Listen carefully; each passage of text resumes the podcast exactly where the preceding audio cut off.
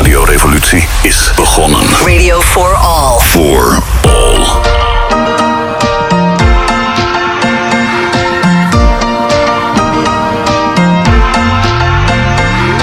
Tiger Lily moved to the city, she just turned 21. And then I said, Here's my number, hit me up if you're needing anyone. And then I could be anyone,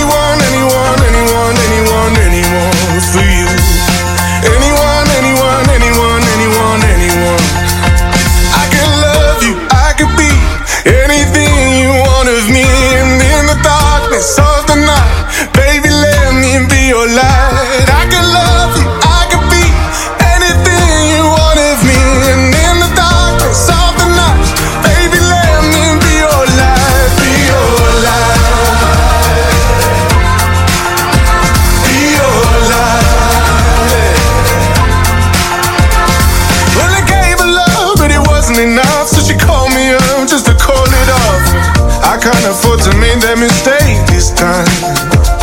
And if you're flying over the Serengeti, Tiger Lily, don't forget me. The way I am, not the way I was.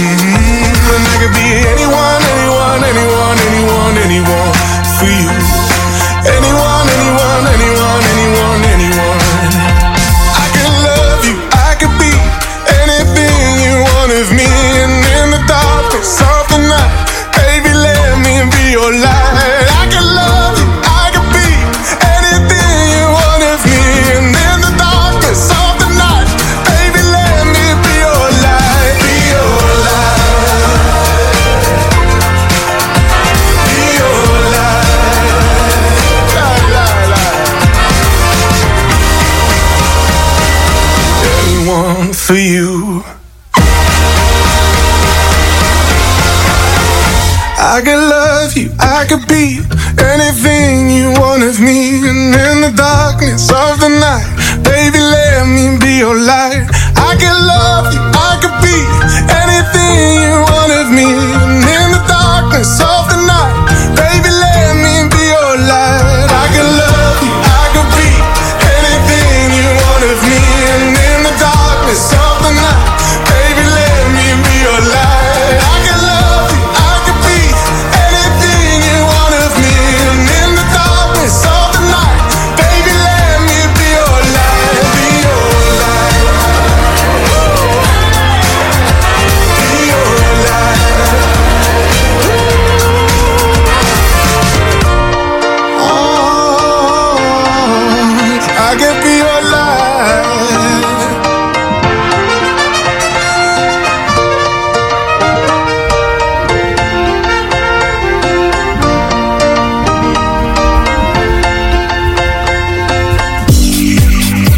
Ja, welkom dat je luistert. Optimist Radio. Dat was Anyone for You van George Ezra.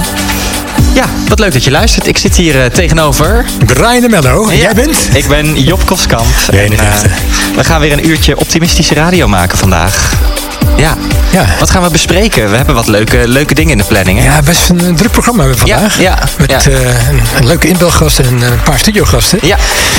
Nou, we beginnen met het, eh, het positieve nieuws uit ons magazine. eh, Optimist Magazine. Dat is een tijdschrift dat we maken. Het komt zes keer per jaar uit. Dus je kunt het gewoon in de, in de boekhandel kan je kopen. Of eh, online, via onze website natuurlijk. En eh, nou ja, daar putten we ook uit. En uit onze online berichten. Ja. En dat, daar komt de eerste bericht vandaan, hè, waar, Ja. we het, eh, we het over gaan hebben. Ja. Ja, ik, ik zag die foto. ik, ik, we hebben het een tijdje geleden gehad over die andere antilopen. Ja, Weet je ja. nog? En nu gaat het over de bedreigde Saiga-antilopen, die niet meer bedreigd is. Nee, nee, nee. Ik wist niet dat er zoveel antilopen waren eh, op de wereld. Maar eh, er zijn er blijkbaar heel veel. En deze ziet er heel grappig uit. Want hij heeft een soort van hangende neus. Met, ja, het is echt heel groot. Ja, leg eens uit hoe het eruit ziet, eh. Ja, dat is echt heel lastig. Maar hij heeft een hangende neus en dan twee hele grote neusgaten als een soort van inktvis. Ja, een soort halve slurf Ja, ook. een- ja, soort van eh olifant-antilopen. Ja. Precies. En, en die is wit ook nog. En toen ik die foto voor de eerste keer zag, dacht ik van... Het lijkt wel de Venus van Milo een beetje. Dat, dat beeld, weet je wel? Die, eh, die, die vrouw uit een klassieke. Laat maar zitten. Waar gaat dit over? Maar in ieder geval, het is een mooi beest. En er zijn er weer een heleboel van. In Ja. eh, Kazachstan, begreep ik. Ja, vooral, ja, vooral. ja, Kazachstan en een beetje de, de, de, de taiga en de steppen daar. Ja. Ja. Ja. Nou, hij was bijna dood, maar hij is er weer. En hij blijft voorlopig. Ja, leuk om naar te kijken. Wie- Wat een slecht bruggetje zit. Wie ook nog leeft, en gelukkig maar, dat is Jan Terlouw. Ja, Ja, de goede man is 92. Ja. En we waren op bezoek laatst bij hem. Hey Job. zeker. Ja. En eh, we hebben gesproken over de formatie. Nou ja, dat is natuurlijk helemaal vandaag een actueel thema. Ja, Je hebt ja. even gekeken nog naar de beschouwingen Ik, ik heb netjes gekeken in de trein. Hoe- ik, hoe was eh, het? ja, het was eh, pittig. Ja, ik moest helaas stoppen op het leukste stuk. Omzicht, ik was net aan het woord en toen was het klaar. Jammer, jammer, jammer. Maar, nou, even terugkijken straks. Op zich is het wel leuk hoor, want, want, want Terlouw die, die pleit voor een soort van hele brede coalitie. Ja. En, en het, het, het- er is een voorstel, of wie het haalt, dat is de vraag, om, om te gaan kijken naar, goh, kunnen we niet even met iedereen gaan zitten en kijken wat willen we nou eigenlijk? Nou zeg, zo Ja, maar, nou hè? dat zou toch wat zijn. Ja. Allemaal onze schuld. Geweldig. Eh, kijk op tenminstmagazine.nl. Dan zie je het artikel of het interview met Jan Terlouw eh, op onze homepage. Ja. En dat is gewoon een ja, heel boeiend eh, verhaal geworden, zeg ik Ja, het zelf. pleiten voor verbinding, hè? Ja, en dan eh, met name kijken naar de partijen die wel willen. Ja. En die mensen niet eh, uitsluiten. Ja, daar vallen wel een paar partijen af op die manier. Ja. Maar nou, in ieder geval, er is een meerderheid voor in de Tweede Kamer. Ja. En ook in de Eerste Kamer voor eh, een, zeg je dat? een coalitie van de willing. Ja, ja, Ehm, het zou zomaar iets kunnen zijn. ja. We gaan het meemaken. Wat vond je zelf trouwens van de ontmoeting met Jan Terlouw? Ja, inspirerende, inspirerend persoon. Echt. en ook, ook, dat vind ik ook wel leuk. Kijk, ik ben natuurlijk jong. Brian is Ja, ouder. in het midden, in midden. En, en Jan Terlouw is, is echt oud. Maar het was, het was een heel eh, natuurlijk gesprek. Heel, heel horizontaal, heel, gewoon heel prettig. Ja. Ja, je Ja. voelt je niet opeens een, Nee, een hem. Nee, nee, je kan gewoon fijn met hem praten. Dat is echt wel eh, een kwaliteit, denk ik. Ja, hè? hij heeft Ja. de gave om je op je gemak te stellen. Ja. Ook, en dat is ook, eh, ondanks 21 jaar leeftijdsverschil met jou, is dat toch wel een, eh, Ja, een dingetje. Eh, en dan hebben we nog één leuk item voor vandaag. Want vandaag is het... Valentijnsdag. Yippie. En onze Ja. technicus, die had al iets over een verrassing voor zijn vrouw, geloof ik. Nou ja, enfin, dat horen we straks nog wel, ongetwijfeld, in de pauze. Maar eh, heb jij nog iets bijzonders gedaan met Valentijnsdag? Ja, echt, echt helemaal niks eigenlijk. Het is, eh, het is, ik, heb, ik heb gewoon een partner, maar eh, nou, wij, wij, ja, misschien, misschien doe ik vanavond nog wat leuks. Gewoon even iets spontaans. Dat zijn vaak de beste ideeën. Oh, wat schandalig. Ja. Maar goed, ja, nou voor mij ook als je lang getrouwd bent als ik. Dan, eh, Oh, maar goed, oh. ik heb, ik heb een hele lieve dochter. Ik werd wakker vanmorgen. Lag er een kaartje voor mij klaar. Ach, Voor papa. ach, Ja, dat ze me toch wel de leukste papa van de wereld vindt. Nou, dat is... wat lief. als je luistert, Ja, dankjewel. Dus, ja. Dus, ehm, ja, en Valentijnsdag. eh, als je het hebt over muziek. We hebben niet echt een programmering gemaakt vandaag met alleen maar eh, zoete liefdesliedjes. Wat jammer nou. Jammer nou, hè? Ja. Dan moet je- weer naar de tandarts straks, al die zoetigheid. Oh, oh. Maar eh, ik dacht even van, wat is nou een heel mooi liefdesliedje? Tenminste, wat ik mooi vind. En ik hoop jij het ook mooi vindt. Dat is van een klassieker van Queen. En dat is Love of My Life. En dan de live versie. Die is wel heel erg mooi. Are you in the mood for um, singing? Would you give us a little help with this? This is Love of My Life.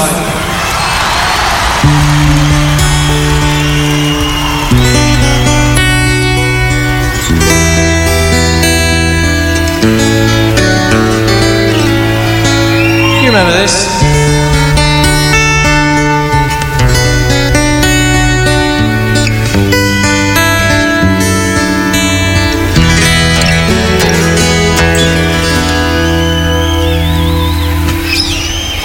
Love of my life, you've hurt me. You've broken my heart, and now you leave me. Love of my life, can't you see? Bring it back, bring it back. Don't take it away from me because you don't know what it means to me. You don't know it. That's alright.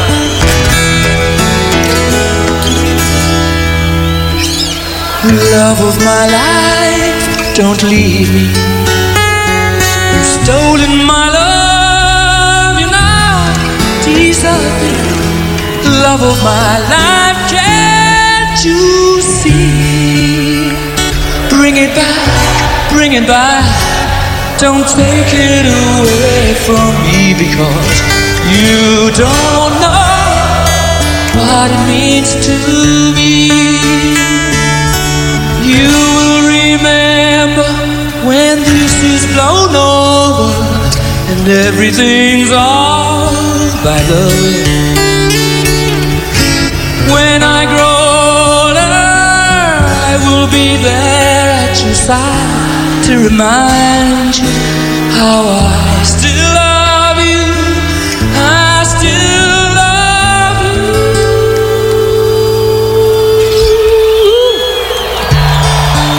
I still love you.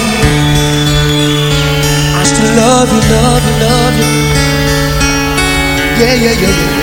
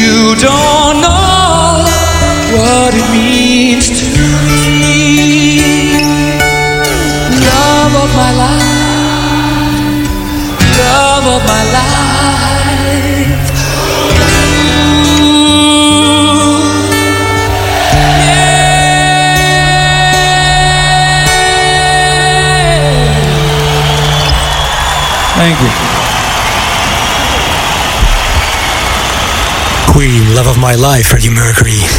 En Brian May op gitaar. Eh, in Montreal was dat. Prachtig. Ik was er niet bij, maar... eh, Was maar zo'n feest. was, ja, inderdaad, was maar zo'n feest. En over feest gesproken. We gaan onze uh, eh, te woord staan zo meteen. Ja, ja die, die heeft, is mede-initiatiefnemer van een documentaire, De Kweeste. En ehm, Bert ten Boer spreken we zo. En hij maakte die documentaire samen met Kees van Bergem. En ja, Bert, als het goed is hebben we jou aan de lijn, of niet? Ja, dat klopt. Ik ben Ja. er. Dag. Het is een beetje een zoektocht, hè? De Kweeste. De kweeste staat inderdaad voor de worsteling die eh, een drietal biologische boeren maken om eh, ja, te komen tot een verbetering van het huidige voedselsysteem. Ja, ja. En, en, en eh, hoe, hoe gaat die zoektocht voor die, voor die bioboeren? Nou, dat is natuurlijk heel verschillend. Kijk, eh, wij hebben een pionier in onze documentaire, Mees Visser. Die is al eh, op dit moment 35 jaar biologisch akkerbouwer. En die heeft inmiddels zo'n 1500 groenteabonnees die eh, bij hem groenten afnemen via, via een korte ketens. Ja, dat is eigenlijk, zou je kunnen zeggen, een gezettelde boer. Maar als je kijkt naar een andere strokenbouwer in onze documentaire, Cornelis Mosselman. Ja, die, die is vijf jaar, zes jaar bezig. En die eh, komt van alles tegen, waardoor het moeilijk is voor hem om een bestaansmodel te creëren. Dus je ziet wel dat zeg maar, de stadia waarin je als boer verkeerd uitmaakt voor eh, het type vraag ook wat je hebt. Ja, ja, is dat dan ook een beetje de, de achterliggende reden wat, waarom het belangrijk is om, hè, waarom je op deze docu kwam? Ja, de, de reden was dat ik meest visser, die ik net noemde, sprak. En dat hij zei, ik ben al zo lang bezig. En ik had verwacht dat biologische landbouw heel groot zou zijn. Omdat hij zelf nogal moeite heeft met chemie en pesticides. En eh, nou ja, als je het hebt over thema's als biodiversiteit. Ja, daar worden we allemaal een beetje verdrietig van. Dus die zei, ik ben wat teleurgesteld. Ja. En eh, nou, als je als idealist langzaam wat cynisch wordt. Ik dacht, ja, dat, dat, is, dat is toch wel heel bijzonder. Dus Dat is wel schokkend, ja. ja, dat is eigenlijk shocking. Van, eh, dat je in al die tijd van 2 naar kleine 4% biologische landbouw in Nederland bent gegaan. Ja. Nou, als je dan weet dat eh, de, de, de Green Deal, eh, de- ja, daar zijn de ideeën van dat je gemiddeld tot 25% komt in Europa eh, voor biologische landbouw. Ja, dan schiet dat natuurlijk in Nederland niet echt op. Dus, dus ik dacht, daar zit toch wel een verhaal in. En toen uiteindelijk hebben we twee andere boeren bij betrokken. En eh, En zijn we eigenlijk aan de slag gegaan met, met hun thema's. Eh, en daarover hebben, ze hebben we ze in gesprek gebracht met eh, nou, interessante mensen die, die, die, die, die daarover iets eh, konden vertellen. Mooi. Ja, en, Zeker. Bert, maar- en, en, eh, morgen gaat hij in première, hè?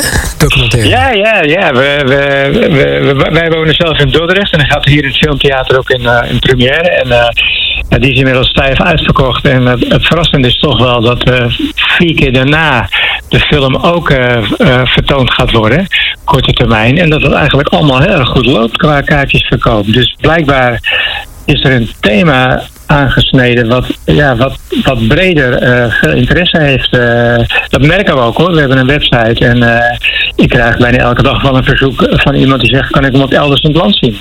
Ja. Dus dat is echt wel, wel, ja, dat is toch wel voor een documentaire wel bijzonder. Ja, ko- komt, zou het ook een beetje, want ik heb, ik heb je al even gesproken hierover, door de, door de strekking komen van de documentaire. We hadden het al een beetje over, over het verbinden en het, het niet de flanken uitspelen. Dus die heftig laten zien, dus de, de supergrote boer en de hele kleinschalige boer. Maar ook dat je een beetje dat middenstuk betrekt.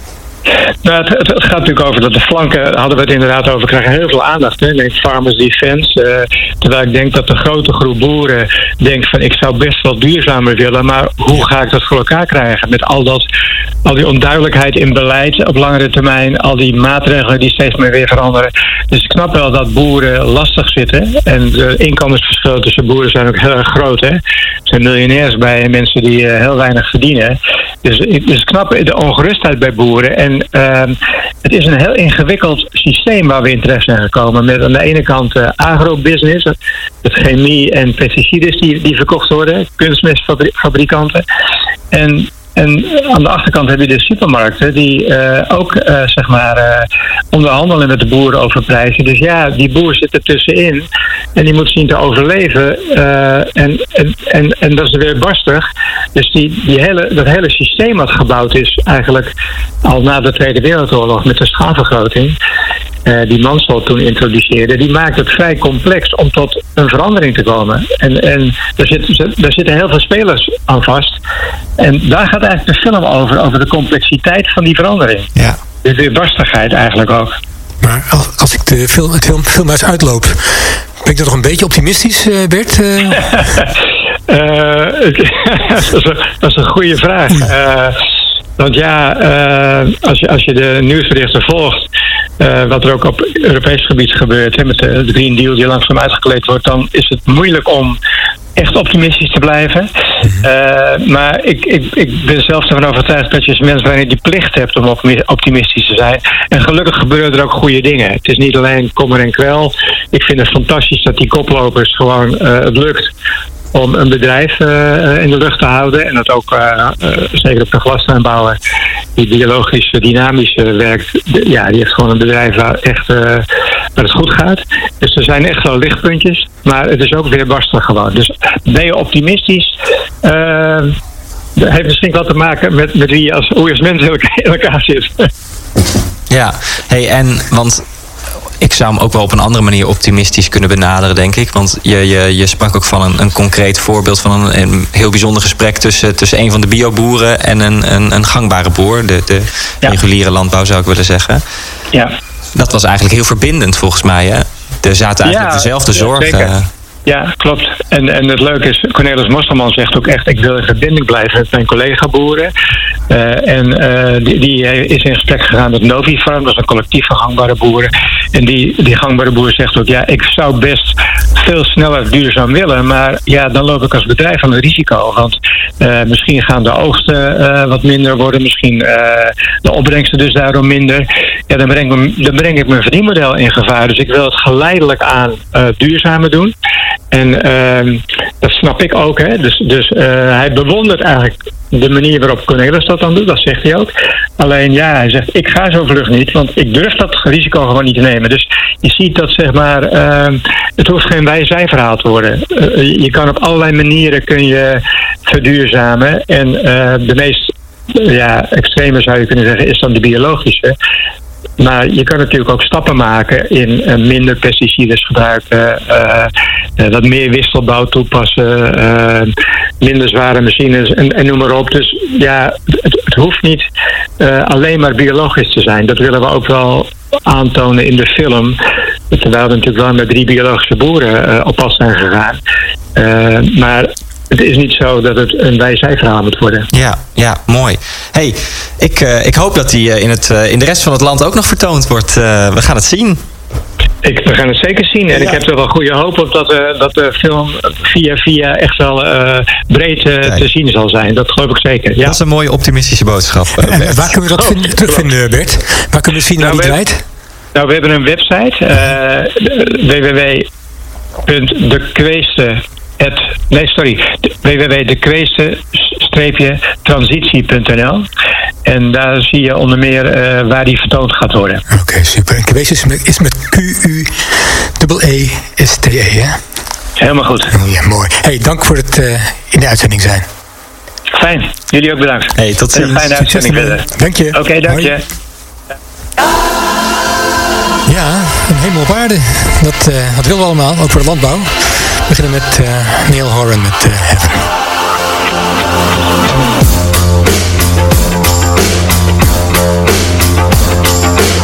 Strange light revolves around you. You float across the room. Your touch is made of something heaven can hold a candle to. You're made of something new. Let's not get complicated. Let's just enjoy. It's hard to be a human. So much to put an answer to.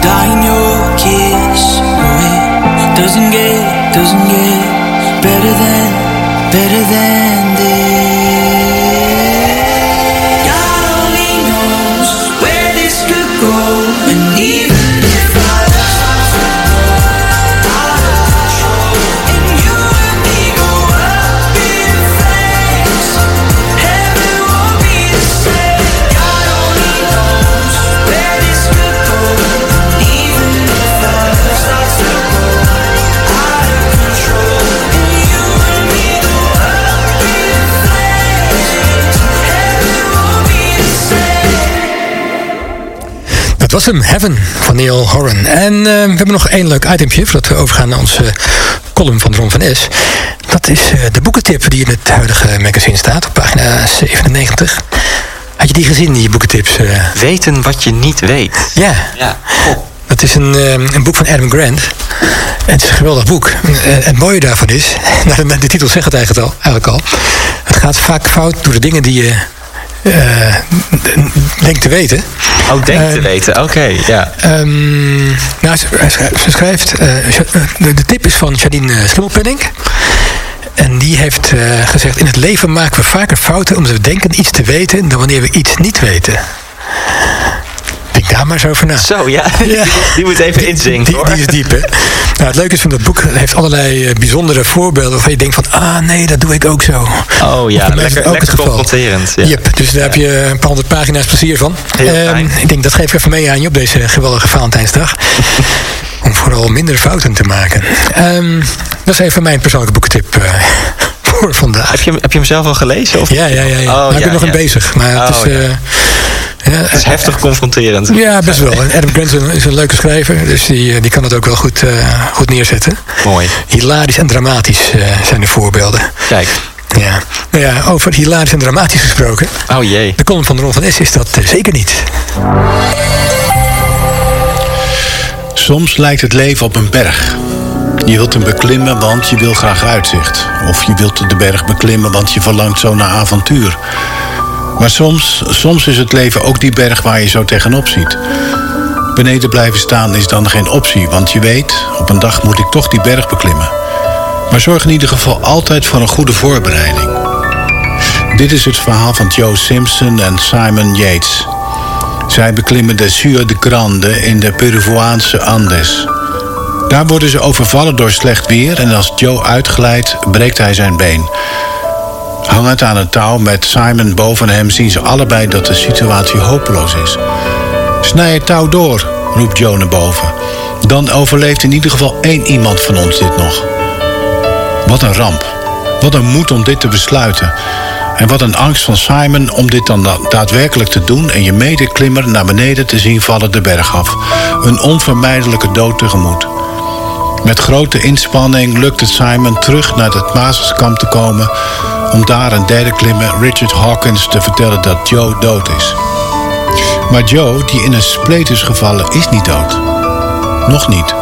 Met een grote en pijnlijke tocht lukt het hem om uit die bergspleet te komen om dan te ontdekken dat de voetsporen van Simon in de sneeuw verdwenen zijn. Hoe nu verder op deze barre tocht? En ook dat lukt hem met een slepend gebroken been achter zich aan.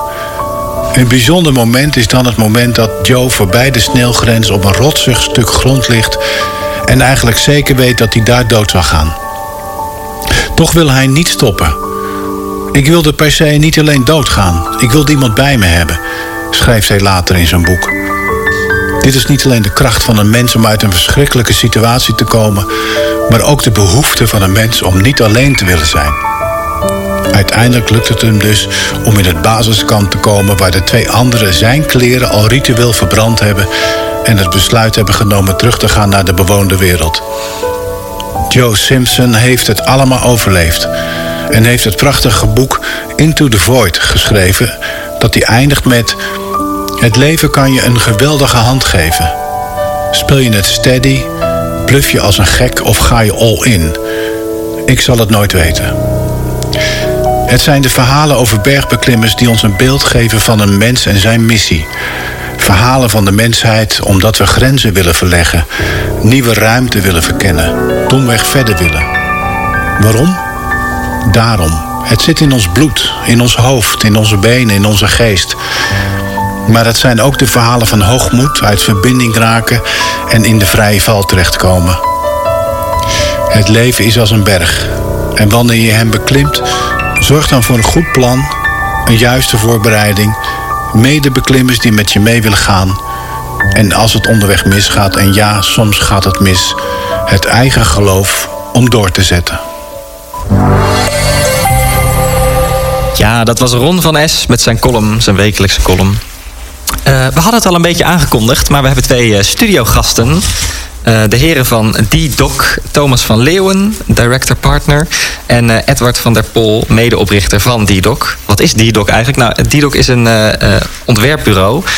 Maar nou ja, ik, ik, ik schreef het op en ik dacht, nou, misschien is het wel iets meer dan dat. Een beetje een ontwerpbureau met een twist, kan je misschien wel zeggen, Thomas. Ja, klopt inderdaad.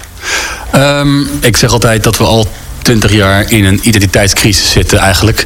Want wat zijn we eigenlijk? Ik denk dat je het best kan zeggen dat hetgene wat we doen is ontwerpen. Dat zijn onze middelen, ons bestek. Dat is, eh, dat is ontwerpen. Maar onze, onze missie is eigenlijk om een verschil te maken in eh, wat er speelt in de wereld. En hoe wij daar als ontwerper invloed op kunnen uitoefenen. Ja, mooi. Hey, want, want jullie bestaan 20 jaar nu. Ehm, eh, Edward, jij, jij bent een van de, de, de medeoprichters. Ja, Hoe is dat destijds tot stand gekomen?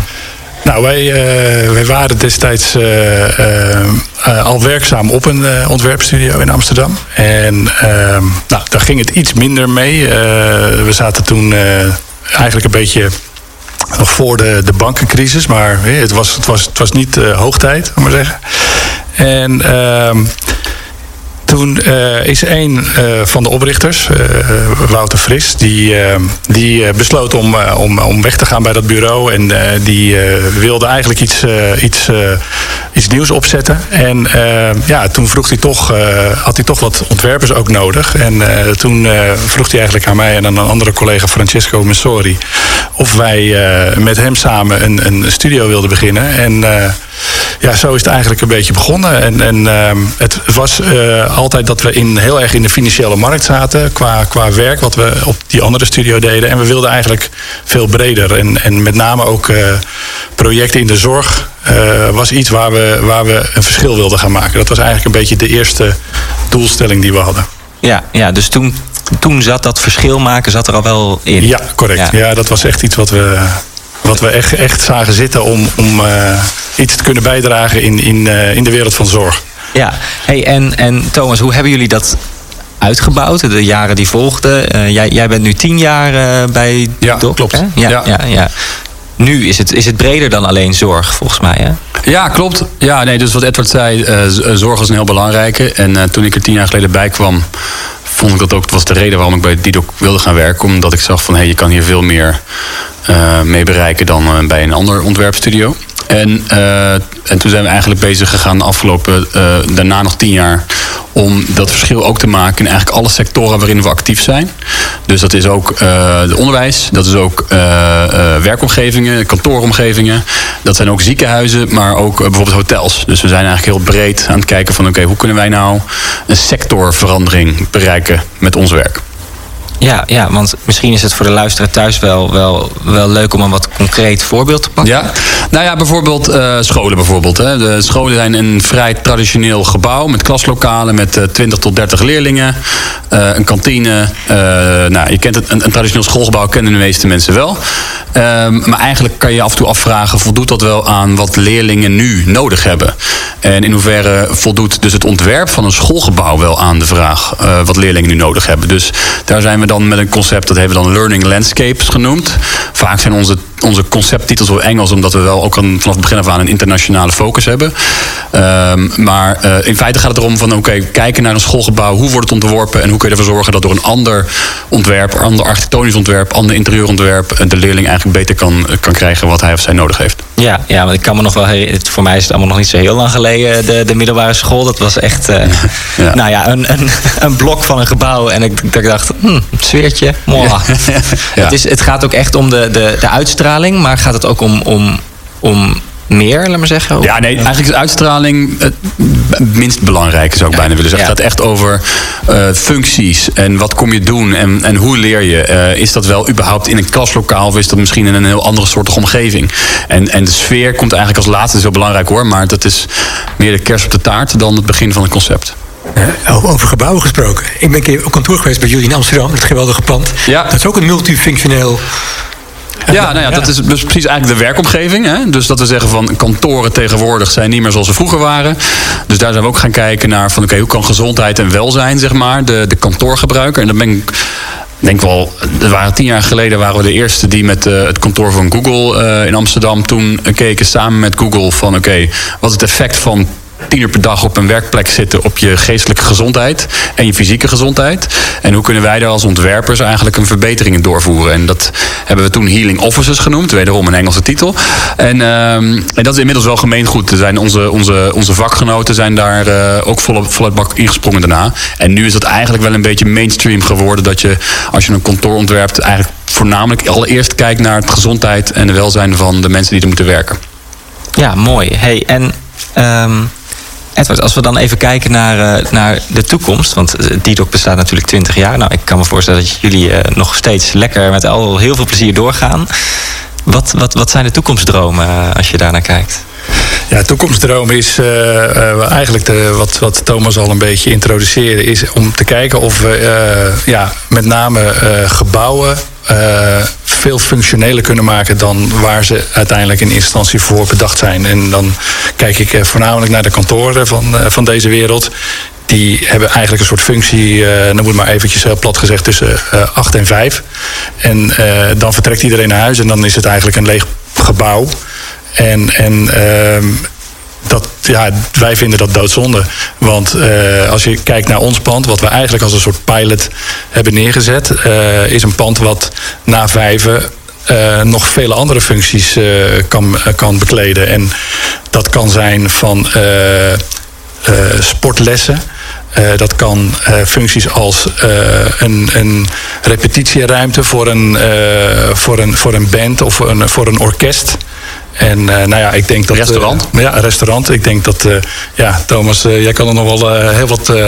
Ja, nou, het is wel leuk. Vandaag hadden we bij, want we doen het nu ook voor andere gebruikers. Dus vandaag was bij de Zuidas, bij WTC, eh, hadden we een evenement voor een Valentijnslunch met Robert ten Brink, Dr. Love himself. Ja, natuurlijk. En hadden we, ja, hadden we voor met 800 mensen hadden we lunch in het, in het kantoorgebouw van de Zuidas. Om ook aan te geven van waarom zou je die ruimte niet een andere functie gebruiken. En dan nu vooral om ook de maatschappelijke en de niet-maatschappelijke mensen elkaar te leren kennen bij de Zuidas. Waar wel echt behoefte aan is. Dus er zijn dat idee van laten we vooral meer kijken naar dan alleen maar werk op kantoren. Zijn we wel breed en breed aan het doorvoeren. Ja, dat, is een mooi voorbeeld. Maar ook het Zandkasteel is een geweldig voorbeeld, heb ik begrepen. Ja, klopt. Nou, Zandkasteel is net opgeleverd. Dat is het oude ING-kantoor bij eh, Zuidoost. En dat hebben we eh, in opdracht van de eigenaren Wonam en Zadelhof... hebben we dat getransformeerd naar een wat wij noemen blended use gebouw. Blended use wil eigenlijk zeggen... eh, een klein stukje achtergrond misschien... maar in feite heb je een gebouw dat is single use of mixed use. En single use wil zeggen het is een kantoorgebouw. Mixed use wil zeggen... eh, het is een kantoorgebouw, maar in de plint zitten bijvoorbeeld winkels... en een parkeergarage en erbovenop met wat woningen. Maar de, toekomst daarvan noemen wij blended use. En dat is eh, blended use wil zeggen dat je dus overdag is het een kantoor en s'avonds iets anders. Dus de functie verandert eigenlijk gedurende de tijd. En bij Zandkasteel hebben we dat gedaan omdat er 4000 vierkante meter eh, ruimte in zit die zowel door de bewoners als door de kantoorgebruikers wordt gebruikt. En overdag door de week is het een plek om te werken. En s'avonds in het weekend kunnen bewoners daar terecht om elkaar te ontmoeten, naar de film te gaan, eh, wat te drinken, et cetera. Dus dat is een dubbel functie van één ruimte. Ja, geweldige plek. Ik, ik ben er jaren langs gereden natuurlijk. Altijd gedacht van, goh, mooi kantoorgebouw. Maar nu kan je gewoon ook met de hele maatschappij eh, ding- dingen gaan doen erin. Ja, er zijn zeven pleinen hebben we erin gemaakt. Zeven publieke pleinen. Met, eh, elke plein heeft een eigen functie. Dus een filmplein, theaterplein, cultuurplein, ontspanplein. En het idee is dat je daar dus echt naar binnen kan lopen. En daar dus die pleinen kan gebruiken als het ware een stadsplein eigenlijk. Ja, mooi. Ja, een beetje de, de, de toekomst van, eh, van onze gebouwen. Als het, eh, als het- Zeker, moet zeker. Het, moet het Ja. met eh, weinig grond doen natuurlijk in Nederland. Dus het zou Ja, misschien absoluut. Zijn. Nou heren, eh, kunnen we ook langskomen? Mag je, mag je gewoon even kijken bij, het, eh, bij jullie pand? Of, Nou, bij ons sowieso. Dat is Danzige Bocht 55 eh, in de Houthavens is dat. Dat is echt een heel openbaar gebouw waarin Ja. we regelmatig mensen langs hebben. Ook evenementen kunnen mensen daar boeken. Dus dat is voor ons een extra manier om mensen naar binnen te, te, te krijgen om het verhaal te vertellen. En Zandkasteel ook, maar dat is wel even handig om dat met afspraak te doen, begrijp Ja. ik. Want ze zijn ook net open. Dus ook nog een beetje zoeken natuurlijk van hoe gaat het allemaal eh, gebeuren. Want het is, het is best wel spannend hoor, om, om een gebouw zeg maar, openbaar te maken. En dat je niet altijd precies weet wie er wel niet naar binnen komen lopen. Dus eh, dat eh, van harte welkom. Nou, ben benieuwd. Je kan op, kijken op de site, denk ik, van jullie. Ja. i- slash doc. ddock.com, Ja, dat is onze ja. website. Ja. Kijk, nou perfect. Hartstikke bedankt voor, voor het langskomen. En ehm, ach ja, ik zie dat wij naar het Koreaanse hoekje gaan, eh, of niet, Brian? Eh, ja, ja, we gaan deze keer rennen naar het Koreaanse hoekje eh, namelijk. En met BTS weer. Komt-ie.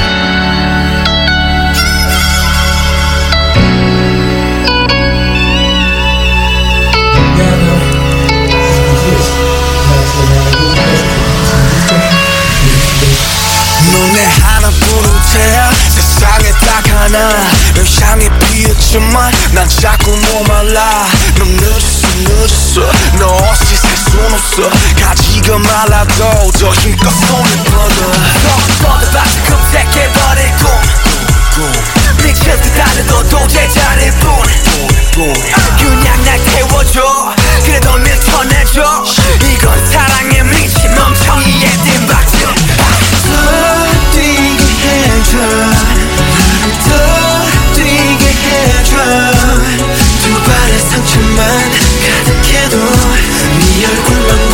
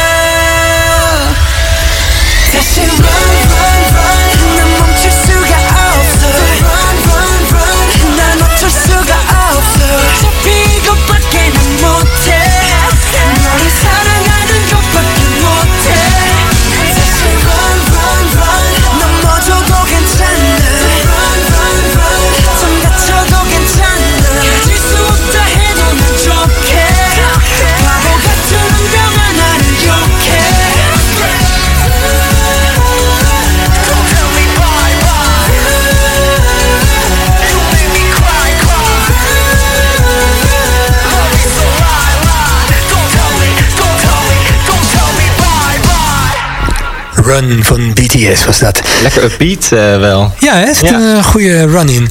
Ehm, ja, in mijn Guilty Pleasures uit eh, Zuid-Korea. En ik zei laatst van eh, het Koreaans hoekje, maar ze zingen ook Japans, wist je dat? Oh, echt ja? Ja, ja, ja. Was dit wel Koreaans? Goed. Eh, het was in ieder geval voor gedeelte Engels. Goed. ehm, ja, lach, maar, lach mij op. De rubriek Ode aan hebben we nu Ja. op het programma staan. En eh, we, hebben, we hebben bedacht Ode aan de liefdesbrief. Wat vind je daarvan? Ja. Heb jij er ooit al een geschreven, een liefdesbrief? Eén.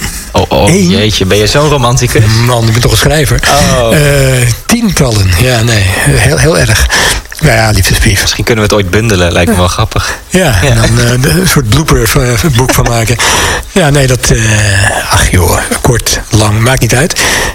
Ik heb ook wel eens eh liefdes eh, cassettebandjes gemaakt. Cassettebandjes? Weet je wat zijn, Wat zijn cassettebandjes? dat? Nee. Opa vertelt. Ja. Nee, eh, ja, vroeger. Voor de cd. Wat is een cd? Nee, je had eh, van die leuke bandjes. Ik kom helemaal weer terug. Het is helemaal retro weer. Ja, dat Eh, klopt. Ja. ja, we hebben nu de platen gehad. Dus, Yep. Of nou, gehad, daar zitten we nog wel in. Ook nog steeds het vinyl. Ja, ja, ja, maar misschien komen de cassettebandjes nu weer terug. Ja, ik, ik voorspel een eh, gouden toekomst. Ik las laatst ergens dat de fabrikant van die bandjes weer moet over, overwerken om de vraag aan te kunnen. Dus dat is wel heel grappig. En een liefdesbrief. Ja, een goede lief- liefdesbrief begint in ieder geval niet met beste. Nee, Dat is in hè? ieder geval de tip van de dag.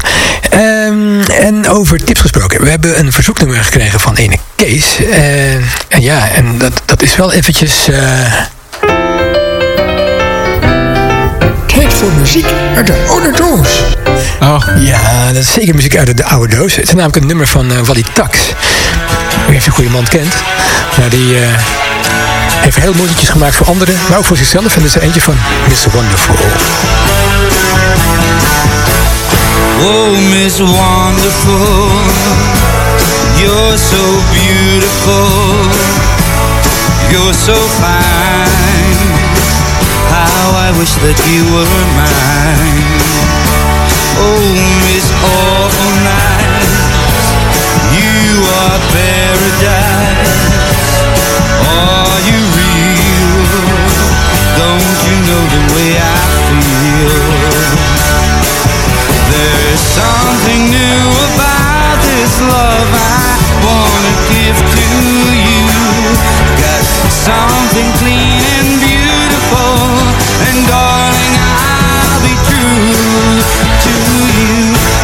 Cause you're wonderful, cause you're beautiful, cause you're fine.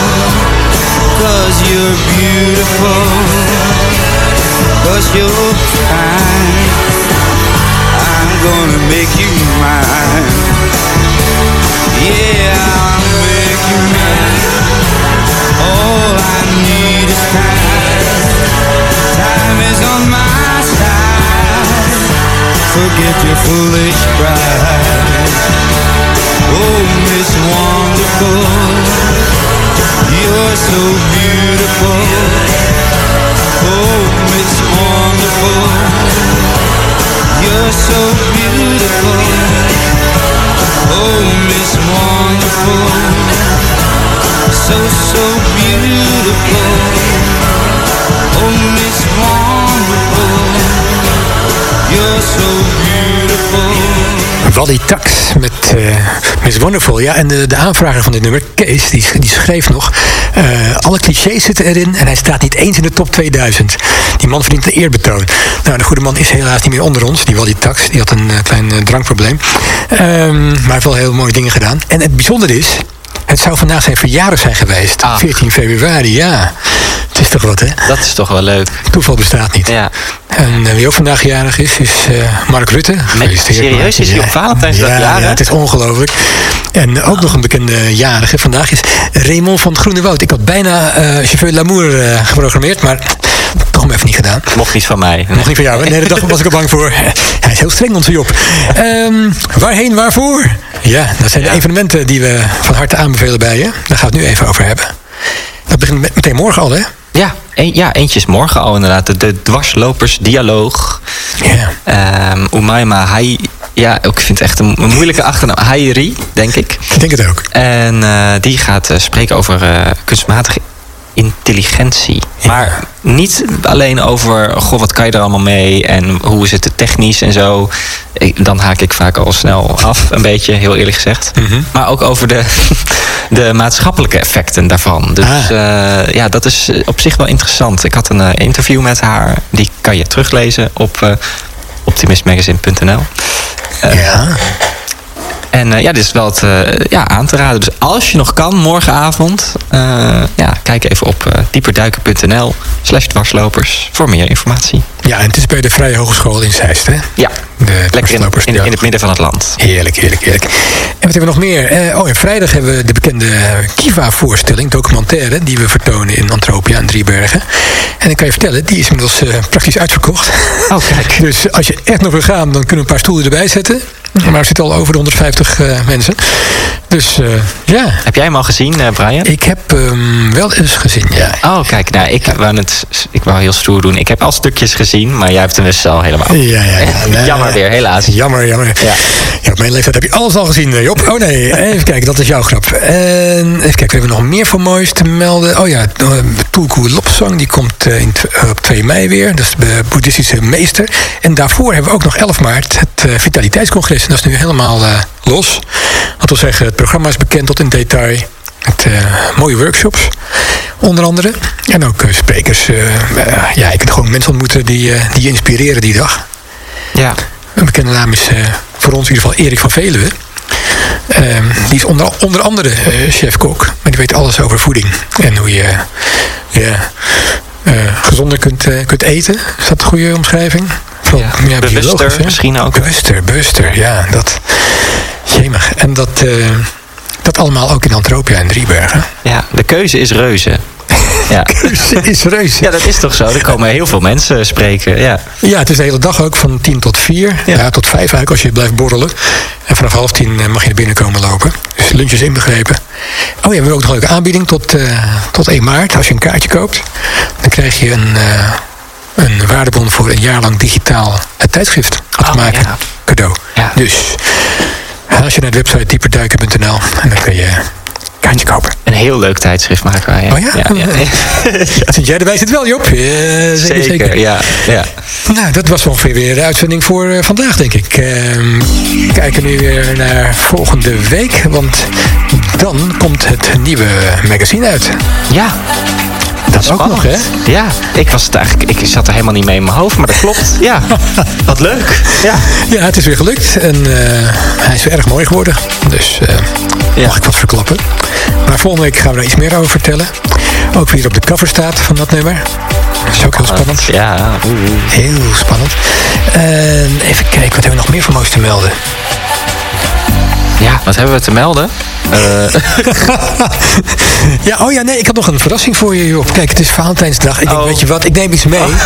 En het mocht geen chocola zijn deze keer, dus ik heb... eh, iets andersom. Ah, hartjes, koeken. Gevulde koeken in hartvorm. Even voor de kijkers thuis. Ja, Ah. Ja, hier, even- ach, wat is hij? Hij is best wel lief. Ja, Attent, ondanks, ondanks alle leeftijdsgrapjes van mij.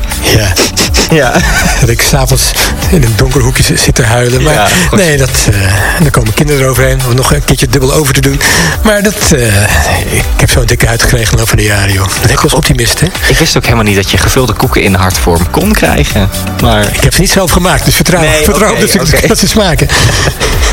Nee, dat was wel heel eh, enthousiast geweest, denk ik. Ik wil even een dankwoordje aan onze technicus Frank. Frank, je krijgt ook een koek van mij, hoor. Hey, mensen, tot volgende week. Dank voor het luisteren. Tot ziens.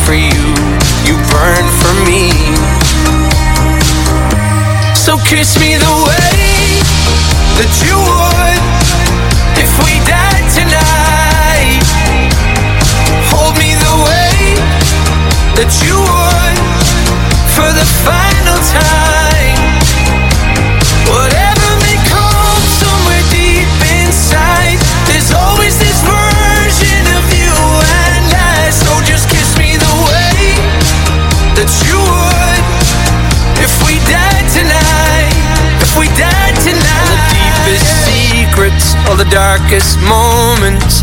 Oh, I promise they'll be safe with me. We've all been broken, there's no exception. But you carry it so gracefully. Let this night invade my lungs. You're all I want to breathe. Right beside the lake, I burn for you. You burn for me. Kiss me the way that you would